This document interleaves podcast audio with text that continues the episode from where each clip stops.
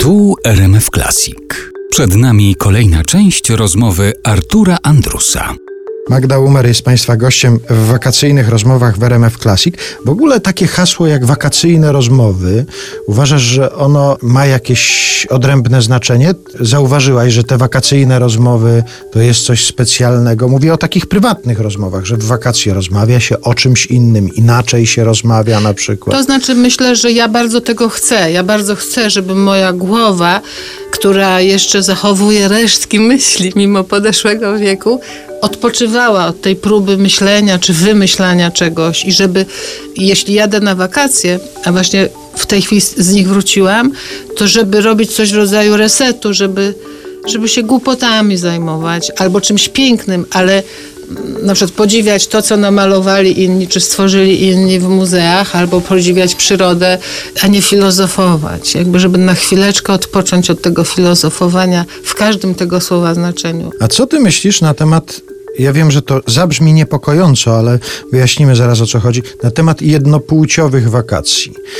Zdaje się, że takie uprawiasz, to Tak, znaczy, że tak. jeździsz ze swoimi koleżankami, przyjaciółkami. Tak, od 20 lat jeździmy. Jeździmy z Zuzią Łapicką i z Krysią Jandą w to samo miejsce. A zaczęło się to tak, że ja jako porządna matka woziłam swoje dzieci do tego Wicia, o którym ci opowiadałam, że jeździłam, szłam potem plażą 6 kilometrów na gofry z małym Frankiem.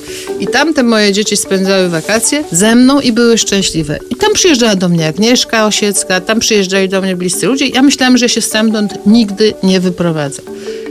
I nagle przyjechała Krysia Janda, zobaczyła coś takiego, że powiedziała, ty nie możesz tutaj w takich warunkach odpoczywać.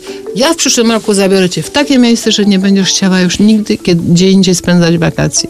I tak się stało. Zabrała mnie tam, do tych lasów Maremma w Toskanii i myślałam, że to pojadę tam raz, drugi, a jak obliczyłam, chyba byłyśmy tam 19 razy. Ale czy to, że tam nie zabieracie ze sobą przedstawicieli tego, jak to ty kiedyś określiłaś, twojej ulubionej płci, to jest też potrzeba odpoczęcia. Od ulubionej nich, płci? Na przykład. No wiesz, to jest moja coraz częstsza potrzeba.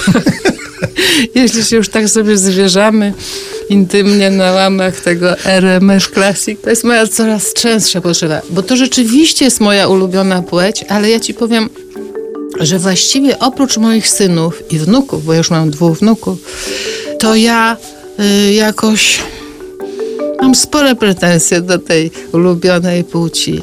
I powiem ci, że jak człowiek się starzeje, to jest jedna dobra strona tego starzenia, że już tak ci na tym mężczyźnie nie zależy.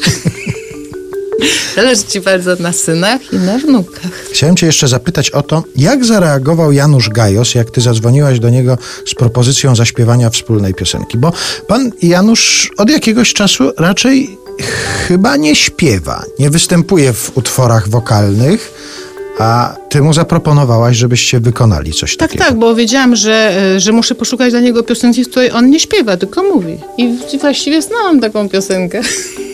I mu ją zaproponowałam. Myślę, że się ucieszył bardzo. Bardzo wspominam to nagranie świetnie. W ogóle nam do głowy nie przyszło, że to będzie tak uwielbiana piosenka i że stanie się takim przebojem. Zdaje się, że przez ciebie też jest uwielbiana, bo jak się do ciebie dzwoni, to to się odzywa Tak, to jako jest właśnie sygnał mojego telefonu. Tak. po, sygnał oczekiwania na połączenie jest ta piosenka. Jak ja za wcześnie odbieram, to mówią, oj, jeszcze chciałem posłuchać.